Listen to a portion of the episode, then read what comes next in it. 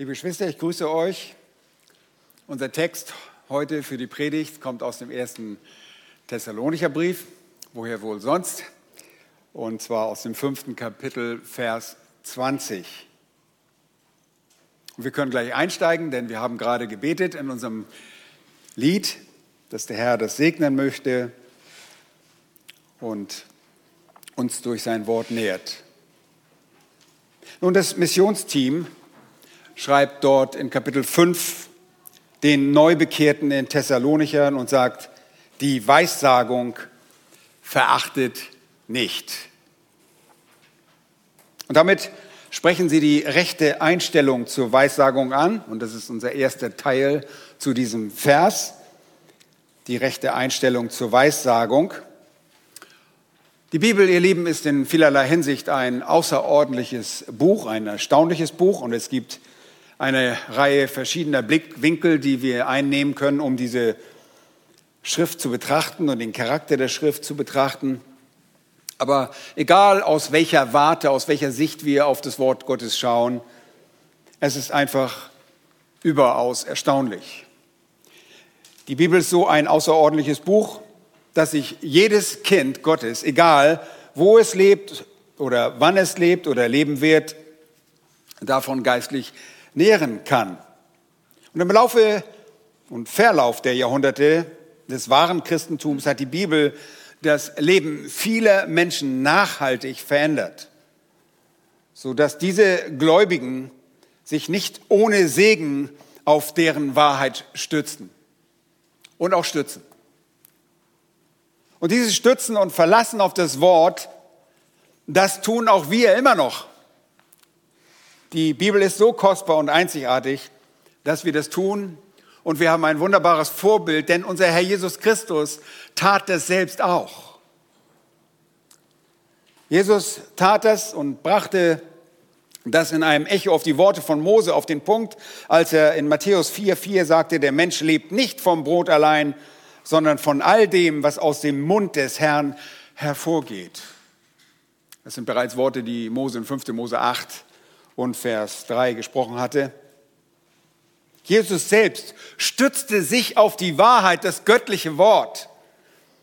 Und wenn das schon der sündlose Sohn Gottes tat, wie viel mehr sollten wir das tun, die wir die Bibel ernst nehmen? Sie ist einfach ein unvergleichliches Buch. Dieses Buch kann in einem positiven Sinne abhängig machen. Denn ihr regelmäßiger Gebrauch führt zum Verlust von Angstgefühlen. Ihr Gebrauch mindert das Lügen, den Betrug, die Gier, den Hass und selbst das Stehlen der Menschen. Symptome eines aufrichtigen und eifrigen Bibelstudenten sind zunehmende Freude, Liebe, Frieden und einfach Mitgefühl. In ihr, in der Schrift, werden wir korrigiert und finden wir Trost. Sie ist das Buch der Bücher. Kein Buch ist nur annähernd so herausragend wie die Bibel. Und bei dem Vers, der uns heute zur Grundlage der Predigt dient, haben die Schreiber die Souveränität der Schrift im Sinn. Also schrieben sie, die Weissagung verachtet nicht. Und dabei dachten sie mit Sicherheit an die Offenbarung Gottes. Genauer gesagt sprechen sie mit diesem Gebot die Einstellung zur Offenbarung Gottes an. Und wie ihr mittlerweile auch wisst, ist Vers 20 ein Teil einer Liste von Grundsätzen des christlichen Lebens. In Vers 16 erinnerten Paulus, Silvanus und Timotheus die Thessalonicher daran und letztlich auch uns daran, sich alle Zeit zu freuen. Vers 17 daran, ohne Unterlass zu beten. Vers 18 daran, in allem dankbar zu sein. Und die letzten beiden Male haben uns gezeigt, dass Gott uns durch diese Männer dazu auffordert, etwas nicht zu tun. Wisst ihr noch, was es war? Wir sollten nicht den Geist dämpfen. Und jetzt wechseln diese Brüder in Vers 20 zu einem wirklich einmaligen Thema. das ganz auf sich steht oder gestellt ist und sie sagen, schaut nicht herab auf die Offenbarung Gottes. Die Beachtung aller dieser Gebote gehört zu einer gesunden Gemeinde. Das Missionsteam sprach darüber, wie die Gemeindemitglieder untereinander miteinander umgehen sollen, wie die Leiter mit den Mitgliedern, den Gliedern der Gemeinde und die Mitglieder mit den Leitern und welches die Beziehung der Gemeinde zu ihrem Herrn haben soll. All das sind Komponenten, die eine gute und eine effektive und eine gottverherrlichende Gemeinde ausmachen. Und wenn ihr in den Text hineinschaut und ihr eure Bibeln geöffnet habt und denkt, naja, das ist sowieso nur so kurz, schaut mal hinein. Auch die letzten Gebote dieser Passage sind sehr direkt und verständlich. Vers 19 nochmal, den Geist dämpft nicht, das haben wir gesehen. Vers 21, prüft alles, das Gute behaltet. Auch diese Dinge sind sehr verständlich. Haltet auch euch fern von dem Bösen jeglicher Gestalt. Auch das ist offenbar und offensichtlich. Das einzige Gebot, das offenbar viele Ausleger verwirrt und vielleicht auch euch, ist dieser Vers 20. Da heißt es, die Weissagung verachtet nicht. Und wir wollen uns deshalb intensiver natürlich mit diesem Vers befassen, damit ihr genau herausfinden könnt, was diese Männer wirklich sagen. Und wir wollen dabei die Einzelheiten dieses Verses näher betrachten. Es sind die Einzelheiten, die uns eine Möglichkeit geben, die Bedeutung dieses Verses zu erlangen. Erstens wollen wir das Gebot allgemein verstehen. Und je länger wir uns mit diesem Text, mit diesem Vers beschäftigen, wird aus dem Allgemeinen werden wir auch spezifisch verstehen, was es bedeutet. Aber erst einmal das Gebot allgemein verstehen. Die Weissagung verachtet nicht. Das erste Wort im griechischen Text ist Propheteas und steht dort im Plural, also in der Mehrzahl. Und die Elberfelder Übersetzung, die berücksichtigt das auch. Da lesen wir, Weissagungen verachtet nicht. Weissagung, Prophetea, ist ein sehr wichtiges und auch geläufiges biblisches Wort. Im Wesentlichen, hört gut zu, im Wesentlichen bezieht es sich auf das, was Gott gesagt hat, beziehungsweise was Gott immer noch sagt. Und das Gesagte fällt dabei in zwei Kategorien. Also, nochmal, Prophetär bedeutet das, was Gott gesagt, sagt oder gesagt hat, und es fällt in zwei Kategorien. Einmal in Gesprochenes und die andere Kategorie ist das Geschriebene. Gleich noch etwas mehr davon und nächsten Sonntag, so Gott will, werden wir das auch abschließen. Aber in diesem Satz, Vers 20, geht es um das, was dieses gesprochene Wort Gottes angeht und das, oder das Geschriebene. Später mehr dazu. In diesem Satz, Vers 20, steht dann auch noch das Wort verachten. Und es steht im Imperativ, also als Befehl, und zwar begleitet von einem Partikel, der eine Verneinung ausdrückt. Buchstäblich steht dort, nicht verachten. Das ist schon das Zweite, was wir nicht tun sollen. Einmal nicht den Geist zu trüben und hier sollen wir die Weissagung, die Weissagungen nicht verachten. Das heißt, verachtet das Wort Gottes nicht. Verachten bedeutet herabsetzen, herabsehen, als nichts ansehen oder ablehnen. Es bedeutet etwas von, äh, es bedeutet etwas oder jemanden als nichts zu erachten oder sich absolut nichts aus etwas zu machen. Und ich möchte das Ganze etwas verständlicher machen. Und das Wort Prophetär, Weissagung, wird nochmals im Neuen Testament sowohl für das Gesprochene als für das Geschriebene verwendet. Ihr Lieben, das ist sehr wichtig zu verstehen, denn unser Text dieser eine Vers, der gibt uns keinen Kontext, der gibt uns nicht viel Zusammenhang. Und deshalb müssen wir das Wort an dieser Stelle uns ansehen, welches Wort hier verwendet wurde und den Gebrauch dieses Wortes an anderen Stellen beleuchten, damit wir herausfinden, was das Wort bedeutet, weil wir so wenig Kontextzusammenhang haben. Normalerweise hilft ein Schriftzusammenhang, der Kontext uns immer bei der Auslegung, aber der fehlt hier im Prinzip. Und ich sage euch jetzt schon einmal, dass das Wort manchmal für das gesprochene Wort ist und manchmal für das geschriebene Wort verwendet wird. Was waren das? Das waren meine zwei Kategorien. Das gesprochene und das geschriebene.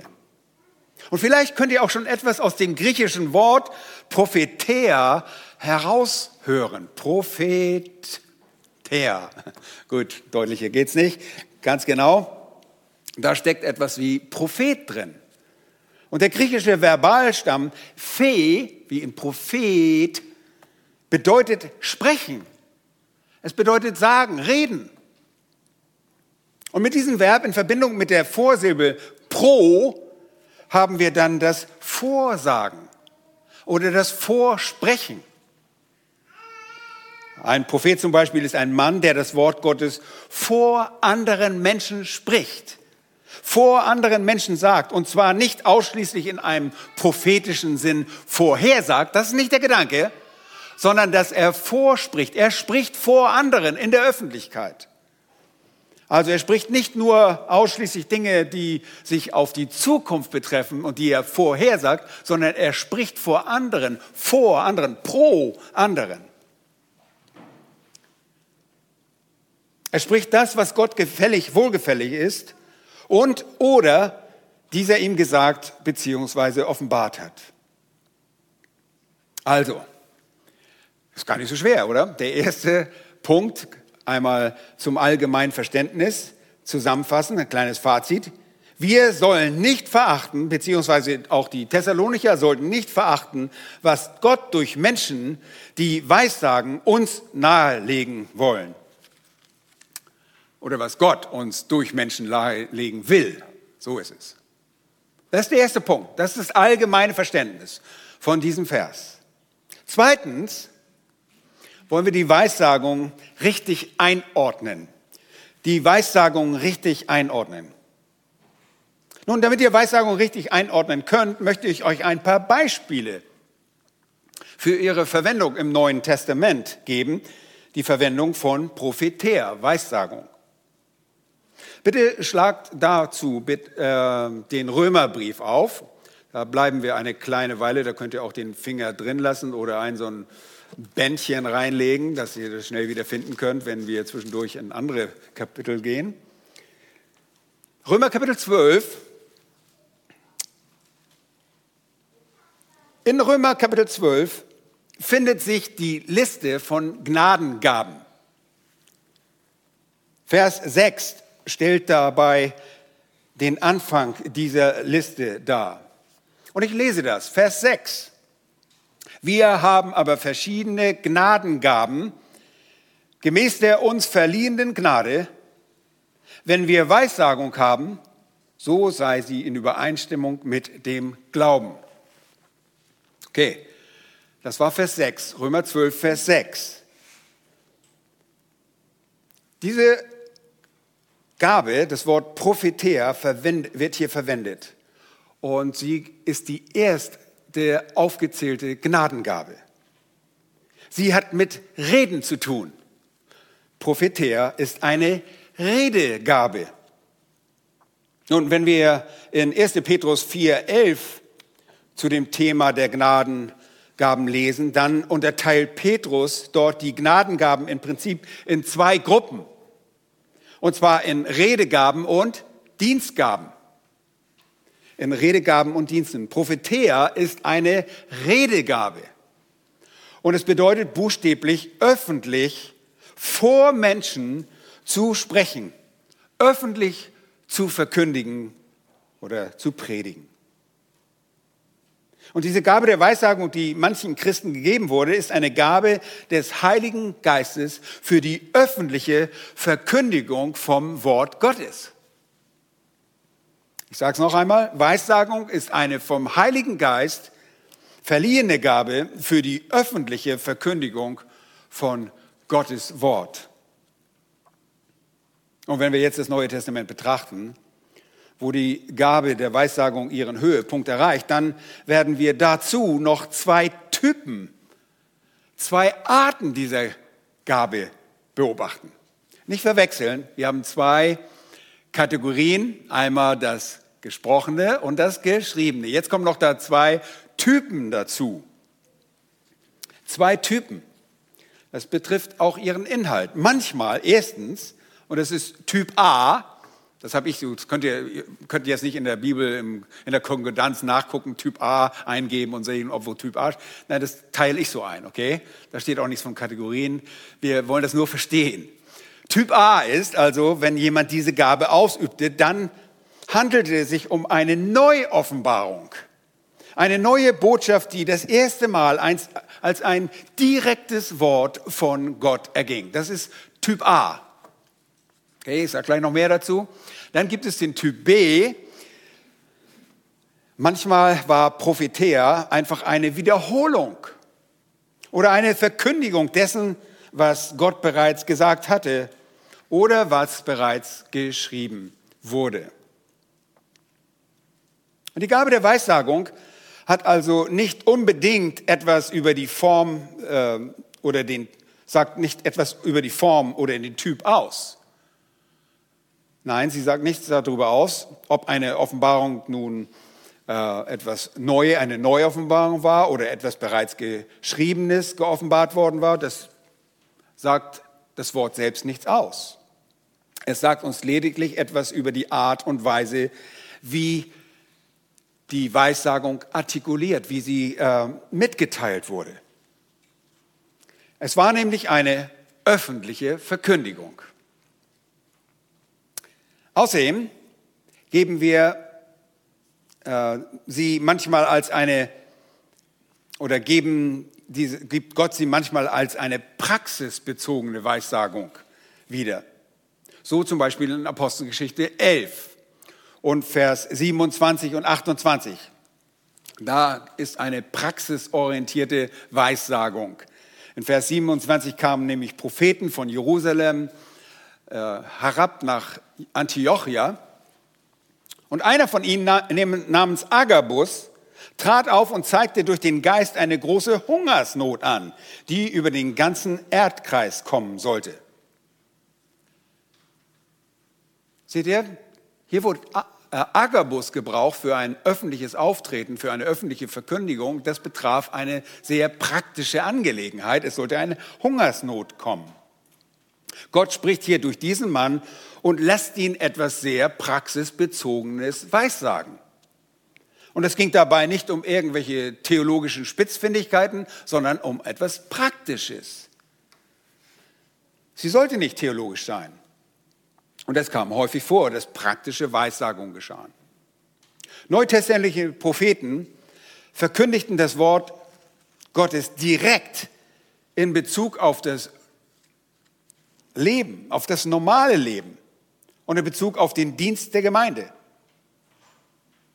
In Apostelgeschichte 15, Vers 32, da finden wir Judas und Silas, die selbst auch Propheten waren, heißt es dort, ermahnten die Brüder mit vielen Worten und stärkten sie. Hier haben wir ein Beispiel für zwei Propheten des Neuen Testaments, die einfach, was taten sie? Predigten, sie verkündigten einfach.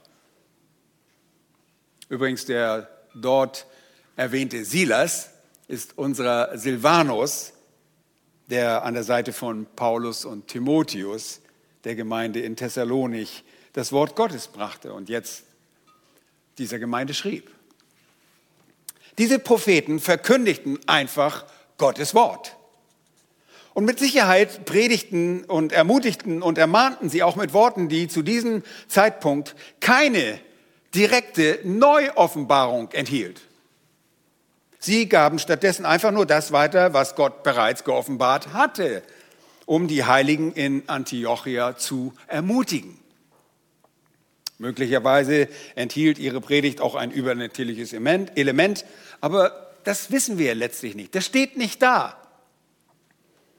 Es ist in den Texten nicht angegeben, im Gegensatz zu Apostelgeschichte 11, wo wir lesen, dass Agabus durch den Geist sprach, also eine Neuoffenbarung bekam. Da steht nicht im Alten Testament, oh, irgendwann kommt da eine Hungersnot. Das war nicht vorher schon offenbar gemacht, das hat der Geist als eine Neuoffenbarung gegeben. Es war eine öffentliche Verkündung einer neuen Botschaft Gottes, die in ein, ins praktische Leben hineinsprach. Aber zurück. Nochmal, Weissagung, das kann eine neue Botschaft sein, eine Neuoffenbarung, zumindest in neutestamentlichen Zeiten, als die Menschen noch Offenbarung empfingen und direkt durch den Mund eines Propheten sprechen konnte oder auch durch einen Apostel. Das ist Typ A. Ja, wie, ich, wie merke ich mir das? Typ A, das gehört zu den Aposteln, zu dem Zeitalter der Ära der Apostel. Oder Typ B, das ist das Verkündigte und könnte eine Wiederholung gewesen sein. Das heißt einfach eine öffentliche Verkündigung dessen, was Gott bereits gesagt hat. Typ B, das ist das, was beständig, was bleibt, was wir auch heute noch haben. Diese Art von Weissagung haben wir heute noch. Der übernatürliche Teil an den Weissagungen, also neuen Offenbarungen, ob praxisbezogen oder lehrmäßig, war kennzeichnend für die frühe Gemeinde durch die Apostel und Propheten. Okay? Der Typ A von Weissagung ist also nur für die Zeit in der Apostel und Propheten. Aber meistens bestand in diesen Anfangszeiten der Gemeinde die Gabe der Weissagung auch in der Fähigkeit, einfach nur das geoffenbarte, bereits offenbarte Wort Gottes zu verkündigen. Und in Römer 12, Vers 6 sagt Paulus genau das. Seid ihr noch in Römer 12? Gut. Vers 6 sagt Paulus, schaut mal genau hin. In Römer 12, 6 sagt er, wenn ihr die Gabe der Weissagung habt, sagt Paulus, und fügt diese Gabe als eine der prominentesten Gaben an, das ist nämlich als erstes auf der Liste, dann verwendet er sie in, verwendet sie in Übereinstimmung mit dem Glauben. Oh, die richtige Übersetzung ist hier maßgebend. Da steht nicht in Übereinstimmung mit seinem Glauben. Im griechischen Text steht kein besitzanzeigendes Fürwort. Das Wort Übereinstimmung ist hier wichtig. Es ist das griechische Wort Analogia, von dem wir auch Analogie haben. Wenn wir sagen, etwas ist analog zu etwas, meinen wir damit, dass eine übereinstimmende Beziehung zu etwas besteht. Wenn ich sage, die Wahrheit ist analog zu folgendem, dann meine ich, dass es eine übereinstimmende Beziehung gibt, dass es immer etwas ist, mit dem Benannten übereinstimmt. Und aus diesem Grund sprachen schon, nicht schon, sprachen die Reformatoren auch von der Analogia Scriptura. Das bedeutet, die Schrift stimmt immer mit sich selbst überein. Bei der Auslegung ist es sehr wichtig. Du kannst nicht mit irgendeiner Auslegung ankommen, die überhaupt nicht mit dem Rest der Schrift übereinstimmt. Dann weißt du, irgendwas ist faul. Ja. Wenn ich sage, hey, nehmt alle mal eine, einen Schäkel raus, spuckt den dreimal an und schluckt den runter, dann habt ihr ewiges Leben das stimmt nicht mit dem Wort Gottes überein. Da ist keine Analogie da, okay? Also es muss immer mit dem Glauben der Schrift, mit dem äh, Korpus, wenn wir so wollt, mit dem Lehrgebäude der Schrift übereinstimmen. Was sagt Paulus also in 12.6? Er sagt, dass diese Gabe der Weissagung in entsprechender Übereinstimmung mit dem Glauben eingesetzt werden muss. Und was ist dieser Glaube an dieser Stelle? Er ist im Neuen Testament ein Synonym für den von Gott gegebenen Korpus der christlichen Wahrheit, also die Glaubenslehre, das geoffenbarte Wort Gottes. Damit muss das übereinstimmen. In Apostelgeschichte 6, Vers 7 heißt es, und das Wort Gottes breitete sich aus und die Zahl der Jünger mehrte sich sehr in Jerusalem und eine große Zahl von Priestern wurde dem Glauben gehorsam. Und das ist die Glaubenslehre, das ist die Wahrheit. Diese Menschen wurden der Wahrheit, der Wahrheit gegenüber gehorsam. Und in Judasbrief erinnert ihr euch sicherlich, dass dort steht, dass wir für den Glauben kämpfen sollen. Ja, wofür, welchen Glauben? Den uns ein für alle Mal überlieferten Glauben. Diesen Glaubenskorpus, diesen Lehrkörper, dieses Glaubensgebäude, das Gott uns gegeben hat, die offenbarte Wahrheit. Und im Vers 20 im Judasbrief heißt es, erbaut euch auf euren allerheiligsten Glauben. Paulus sagt also in Römer 12 und Vers 6, jeder, der weissagt und befähigt ist, Worte für Gott hervorzubringen, muss diese in völliger Übereinstimmung, in Harmonie mit Gottes bereits geoffenen, äh, offenbarten Glauben tun. Das versteht ihr. Das ist nicht so schwierig zu verstehen. Derjenige, der spricht, musste das in Übereinstimmung mit dem Glauben, mit dem Wort tun. So wird das Wort gebraucht. Wenn das Missionsteam nun in 1. Thessalonicher Brief, Kapitel 5, Vers 20 sagt, die Weissagung verachtet nicht, und wir uns fragen, was meinen diese Männer damit? Dann können wir zunächst sagen, dass sie die Äußerung meinen, die von Männern mit Redegaben kommen, dass diese in vollkommener Übereinstimmung mit dem Wort Gottes gesprochen werden. Okay, diese Männer müssen das sprechen. Schaut einmal ganz kurz, wenn ihr so schnell seid wie ich. Apostelgeschichte 17. Ah, Spaß beiseite. Vers 11 an. Apostelgeschichte 17, Vers 11. Ich habe das alles ausgeschrieben, deshalb bin ich so schnell. Da sehen wir die edlen Berührer. Apostelgeschichte 17, Vers 11. Und ihr erinnert euch sicherlich, was von den edlen Berührern gesagt wird. Diese nahmen das Wort bereitwillig auf. Okay? Was taten sie? Und sie forschten täglich in der Schrift, ob es sich so verhalte. Die Berührer verachteten nicht die Weissagung, die aus dem Mund des Apostel Paulus und dem Propheten Silas, Silvanus kam. Sie prüften das Gesprochene anhand des geschriebenen Wortes. Die haben nicht gesagt, oh, das ist Paulus, der macht alles richtig, brauchen wir nicht mehr prüfen. Nein, sie forschten im Sinne von prüfen, ob das Verkündigte in Übereinstimmung mit dem Rest der Schriften stand gegen Ende der Offenbarung, der Offenbarung des Johannes, lesen wir in Kapitel 19 und Vers 10 von dem Apostel Johannes, als er auf die Worte eines Engels reagiert und bezeugt, und ich fiel vor seinen Füßen nieder und ihn, den Engel dort anzubeten, und er sprach zu mir, siehe die Fuhr, tu es nicht, ich bin der Mitsklave und der äh, deiner Brüder, die das Zeugnis Jesu haben. Bete Gott an. Und dann in Vers 10, Offenbarung 19, Vers 10. Ja. Denn das Zeugnis Jesu ist der Geist der Weissagung. Nun, die Weissagung legt Zeugnis für Jesus Christus ab. Weissagung erfolgt in Übereinstimmung mit der Offenbarung des Wortes Gottes, dem Wort Christus, des Christus. Immer, wenn jemand aufsteht, um eine gesprochene Botschaft zu bringen und zu verkündigen, können wir deren Gültigkeit danach beurteilen, ob sie genau in Übereinstimmung mit der Schrift ist. Gut, ne? Das ist eine sehr große Hilfe. Und wir können es den Berührern gleich tun. Weissagungen können nie vom geschriebenen Wort abweichen. Und übrigens, die Gabe der Weissagung in Römer 12 steht auf einer Liste, die keinerlei Zeichengaben enthält. Römer 12 enthält keinerlei Zeichengaben. In 1. Korinther 12 sind wohl Zeichengaben. Sie enthält einige, aber nicht in Römer 12. Möglicherweise waren die Zeichengabe bereits am Abnehmen. Denn der Römerbrief wurde circa ein Jahr später nach dem Korintherbrief im Jahr 56 geschrieben.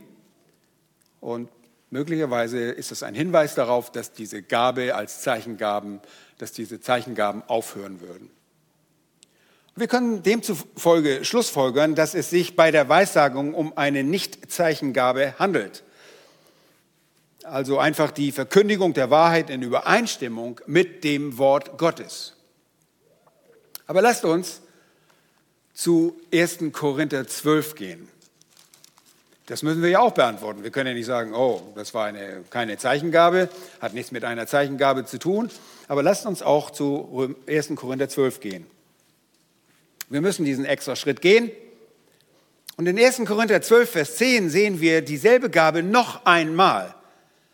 Nur dieses Mal ist sie eingebunden in einem Vers, in dem Zeichengaben erwähnt werden. Paulus spricht dort über das Vollbringen von Wundern. Ich lese das, 1. Korinther 12, Vers 10.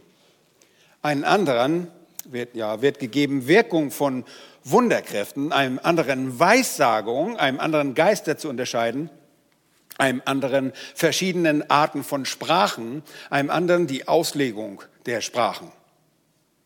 Hier sehen wir ein paar Zeichengaben in der Liste von Paulus. Und der sorgfältige Bibelausleger weiß allerdings, dass diese Zeichengaben sich nur auf die Zeit der Apostel und der neutestamentlichen Propheten beschränkt. Dass sie darauf beschränkt waren. Dieses Mal war die Gabe der Weissagung auch hier. Sie auch hier erwähnt. Unter den Zeichengaben. Und aus diesem Grund schlussfolgern wir, dass es tatsächlich Zeichen gab, als diese Gabe auch eine Zeichengabe war. Okay? Welcher Typ wäre das dann? Typ A. Typ A. Sie war es tatsächlich. Sie war eine Zeichengabe und das kam immer dann zur Geltung, wenn ein Prophet oder ein Apostel Jesu Christi buchstäblich eine direkte Offenbarung von Gott erhielt und die vorher noch nie gegeben wurde, die vorher noch unbekannt war. Okay? Es gab also tatsächlich Zeiten als Weissagung ein übernatürliches Element von Neuoffenbarung besaß. Als aber diese Ära, spätestens mit dem Buch der Offenbarung und dem Ende der Apostel, denn wir sehen im Jahr 90 noch den Apostel Johannes, das ist das Späteste, würde ich sagen, und die Neuoffenbarung durch Propheten endete, blieb die Weissagung als eine Nicht-Zeichengabe. Weissagung also eine Gnadengabe, die keine übernatürlichen Reden als Neuoffenbarung enthält. Das ist der Typ B. Das ist das, was für uns bleibt. Okay, es gibt immer noch Weissagung, aber keine Neuoffenbarung. Wenn jetzt jemand kommt und sagt, der Herr hat mir aber gesagt, ihr sollt das und das tun, dann sagst du, tut mir leid, du irrst dich. Die Schrift sagt das nicht. Die Weissagung, und einige nennen es heute auch den prophetischen Dienst. Ja, früher habe ich mir gedacht, oh, prophetischer Dienst, oh, da macht jemand einen prophetischen Dienst. Wisst ihr, was das ist? Das ist nichts anderes als das Wort Gottes zu verkündigen. Weissagung ist die Verkündigung des Wortes Gottes. Wenn ihr so wollt, weissage ich jetzt gerade. Okay? Nicht den Typ A, sondern Typ B, sondern nur das, was bereits geoffenbart worden ist. Die Weissage wurde somit ausschließlich die öffentliche Verkündigung der Wahrheit Gottes. Und zwar in perfekter Übereinstimmung mit dem geschriebenen Wort. Also, nochmal ganz langsam, weil es kommt einem vor wie eine Theologiestunde heute hier. Und das ist es auch. Äh, damit ihr das alle verarbeiten könnt. Es gab Zeiten, als die Apostel und Propheten zu Beginn des Gemeindezeitalters Offenbarung direkt von Gott bezogen und diese dann öffentlich von sich gaben. Wir erinnern uns an Paulus, der wurde vom Herrn direkt äh, belehrt. Ja, ich habe das vom Herrn empfangen, was ich euch sage. Ne? Wir sagen jedes Mal beim Mahl des Herrn, wir feiern, das hat Paulus nicht durch die anderen Jünger empfangen, sondern der Herr hat ihm das selbst gesagt. Okay? Aber das war ein Apostel. Komm mir nicht, dass du sagst, ja, ich bin auch ein Apostel. Letzte Nacht hat der Herr zu mir gesprochen und hat mir was ganz Interessantes gesagt. Es kommt eine Hungersnot, nächste Woche in Berlin, kauft alle Nutella ein, damit ihr keinen Hunger habt. Nein, blödes Zeug. In diesen Zeiten, also in der Ära der Apostel und des Neuen Testaments äh, oder neutestamentlichen Propheten, bestand diese Gabe der Weissagung und auch schon das Wiederholen von dem, was geoffenbart wurde. Also das war so, ein, so eine Mixtur. Das ist nicht so, dass die Apostel immer alles neu gesagt haben, sondern sie haben auch auf das zurückgegriffen, was bereits im Alten Testament geoffenbart war.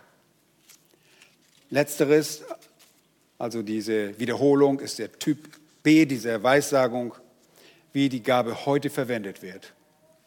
Und hört gut zu, nur noch so verwendet werden kann. Und damit kommen wir zu Punkt 3 die Weissagung, wann und warum sie noch beachtet werden müssen. Das beantwortet eigentlich die Frage, warum sie nicht ver verachtet werden sollen, wie in unserem Text. Ihr Lieben, weil es keine neuen Offenbarungen mehr gibt, wir aber das Wort Gottes immer noch brauchen, können Weissagungen nicht wegfallen. Der ganze Ratschluss Gottes steht fest und deshalb bedarf es keiner weiteren Neuoffenbarung. Aber die Weissagung bleibt dennoch bestehen. Geht bitte jetzt einmal zu 1. Korinther 14. Auch sehr interessant. Wir müssen das verstehen. Warum müssen wir das verstehen? Weil Paulus sagte auch in 1. Korinther 12, Vers 1, sagte er über die Geisteswirkung, ihr Brüder, will ich euch nicht in Unwissenheit lassen. Nun, ihr sollt auch nicht in Unwissenheit bleiben. Und deshalb wollen wir das erklären. Auch wir als eure Hirten möchten, dass ihr nicht den vielen Irrtümern bezüglich, bezüglich dieser Gabe zum Opfer fallt sondern dass ihr sie versteht und dass ihr gemeinsam mit uns danach strebt. Ihr müsst auf der Hut sein und die Irrtümer durch Verständnis entlarven. Jetzt 1. Korinther 14, Vers 1. Da lesen wir, strebt nach der Liebe, doch bemüht euch auch eifrig um die, da steht eigentlich geistlichen, Geisteswirkung ist richtig übersetzt, oder einige sagen Geistesgaben. Das Wort Gaben steht im griechischen Text nicht, aber der Kontext, der Zusammenhang zeigt uns, dass es hier um Geistesgaben geht. Bemüht euch eifrig um die Geisteswirkung, am meisten aber, dass ihr weissagt. Ho, wir sollen uns danach bemühen, darum bemühen. Das ist ein sehr wichtiger Vers. Und das wurde, wie ihr wisst, nicht an einzelne Menschen geschrieben, sondern als eine, an eine ganze Gemeinde, nämlich an die Korinther. Kein einzelner Mensch kann sich eifrig um eine Geisteswirkung bemühen und sie durch diese Bemühung bekommen. Das geht nicht. Paulus sagt, wenn die Gemeinde zusammenkommt, müsst ihr euch eifrig bemühen, dass Geisteswirken zum Einsatz kommen. Insbesondere und vor allem, dass ihr gemeinsam weissagt. Oh, was heißt das? Er sagt nicht, dass ein einzelner Gläubige nach dieser Gabe streben soll, wenn er sie nicht hat. Er sagt vielmehr, dass die Gemeinde als Ganzes sich um deren Einsatz bemühen soll. Warum soll eine Gemeinde sich um den Einsatz von Weissagung bemühen?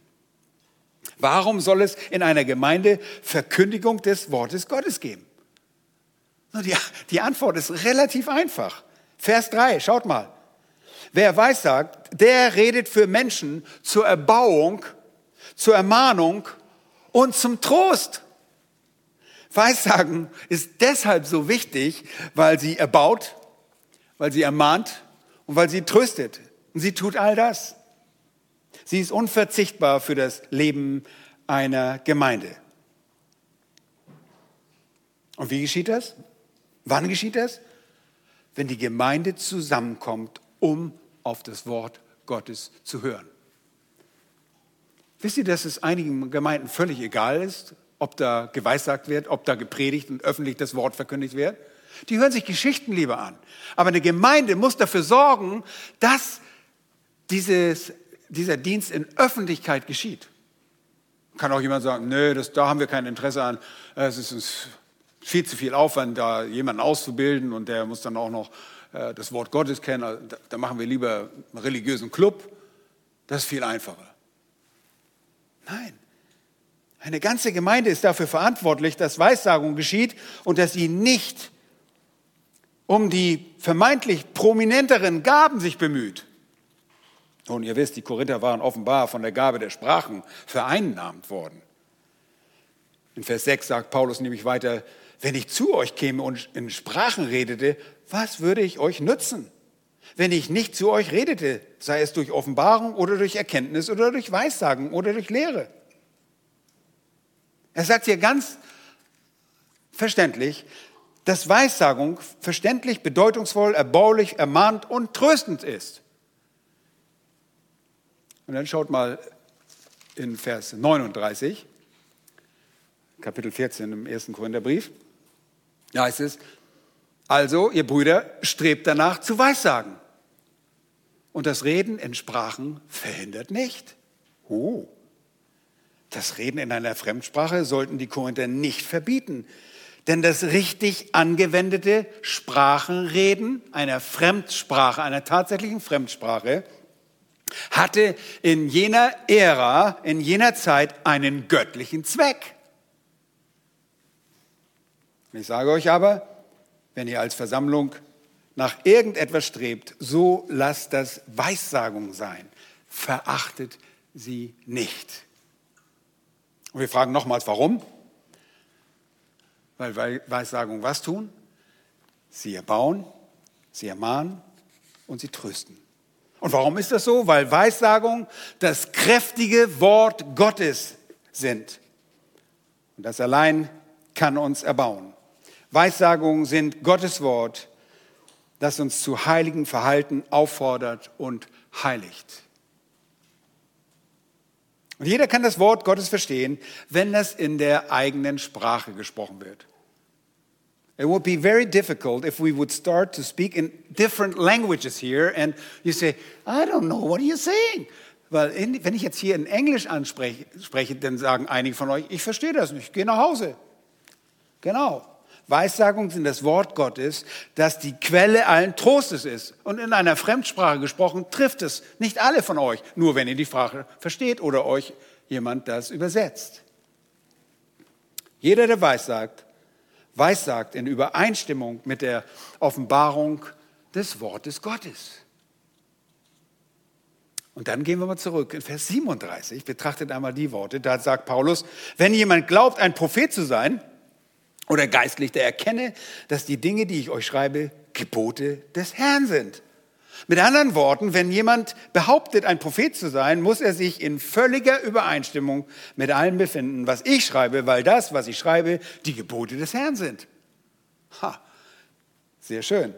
Jeder, der behauptet, ein Prophet zu sein, muss vollkommen mit der Schrift übereinstimmen. Und im Alten Testament gab es harte Regeln für falsche Propheten. Die waren Toast. Wenn die was Falsches angesagt haben und das nicht eintraf, dann waren sie tot. Die Worte des Propheten müssen im Einklang mit dem übrigen Wort Gottes stehen. Dieses Prinzip ist im Alten Testament schon bekannt.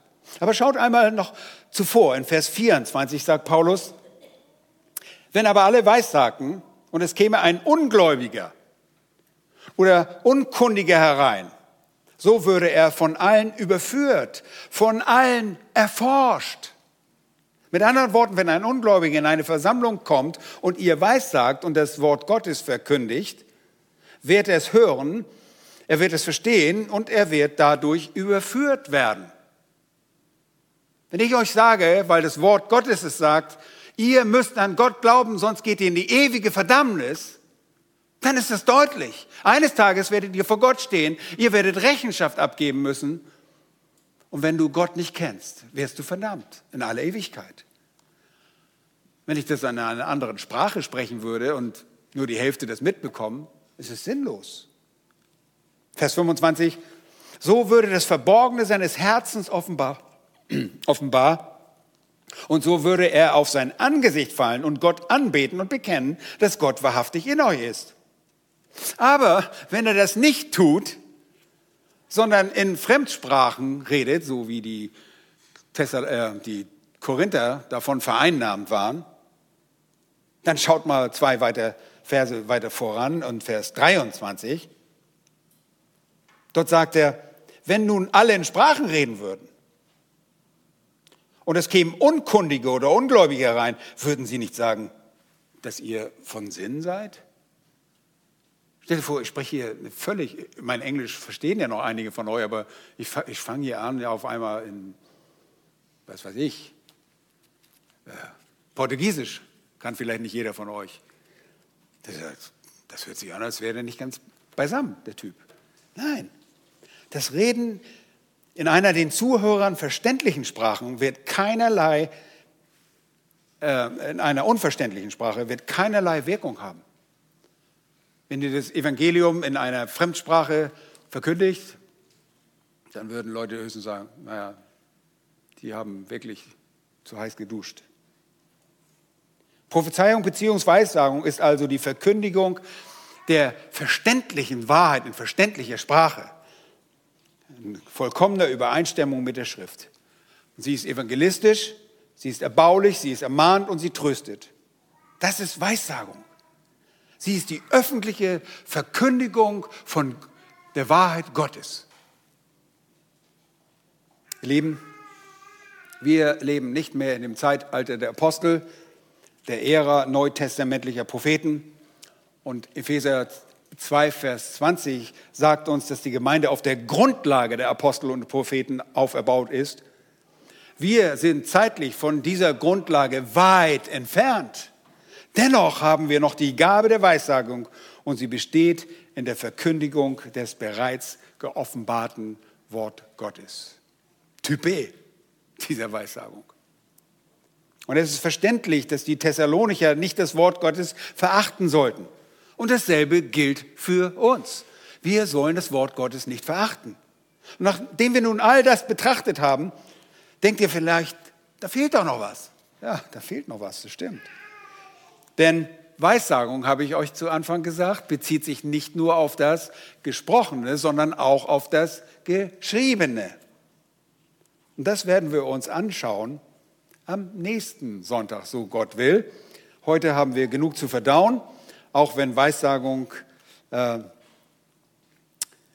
das Geschriebene ist, dann müssen wir das auch betrachten. Und das wollen wir am nächsten Sonntag tun. Lasst uns jetzt beten und den Herrn für die Gabe der Weissagung danken.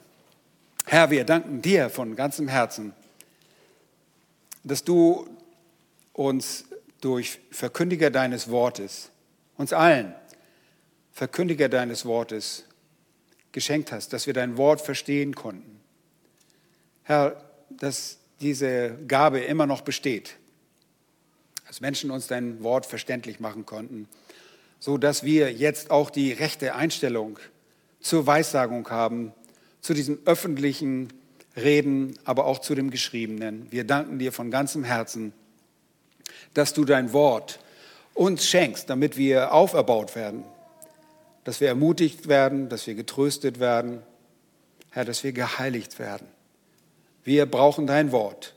Und deshalb wollen wir die Weissagung nicht verachten. Wir wollen vor allen Dingen auch nicht den Geist dämpfen, der diese Weissagung, die Gabe der Weissagung hervorbringt und der Männer befähigt hat zu sprechen. Wir danken dir dafür und bitten dich einfach, dass du uns hilfst, dein Wort nicht zu verachten, nicht auf dein Wort herabzusehen, sondern dein Wort ernst zu nehmen in jeglicher Hinsicht. Dir sei herzlich Dank dafür, in Jesu Namen. Amen. Amen.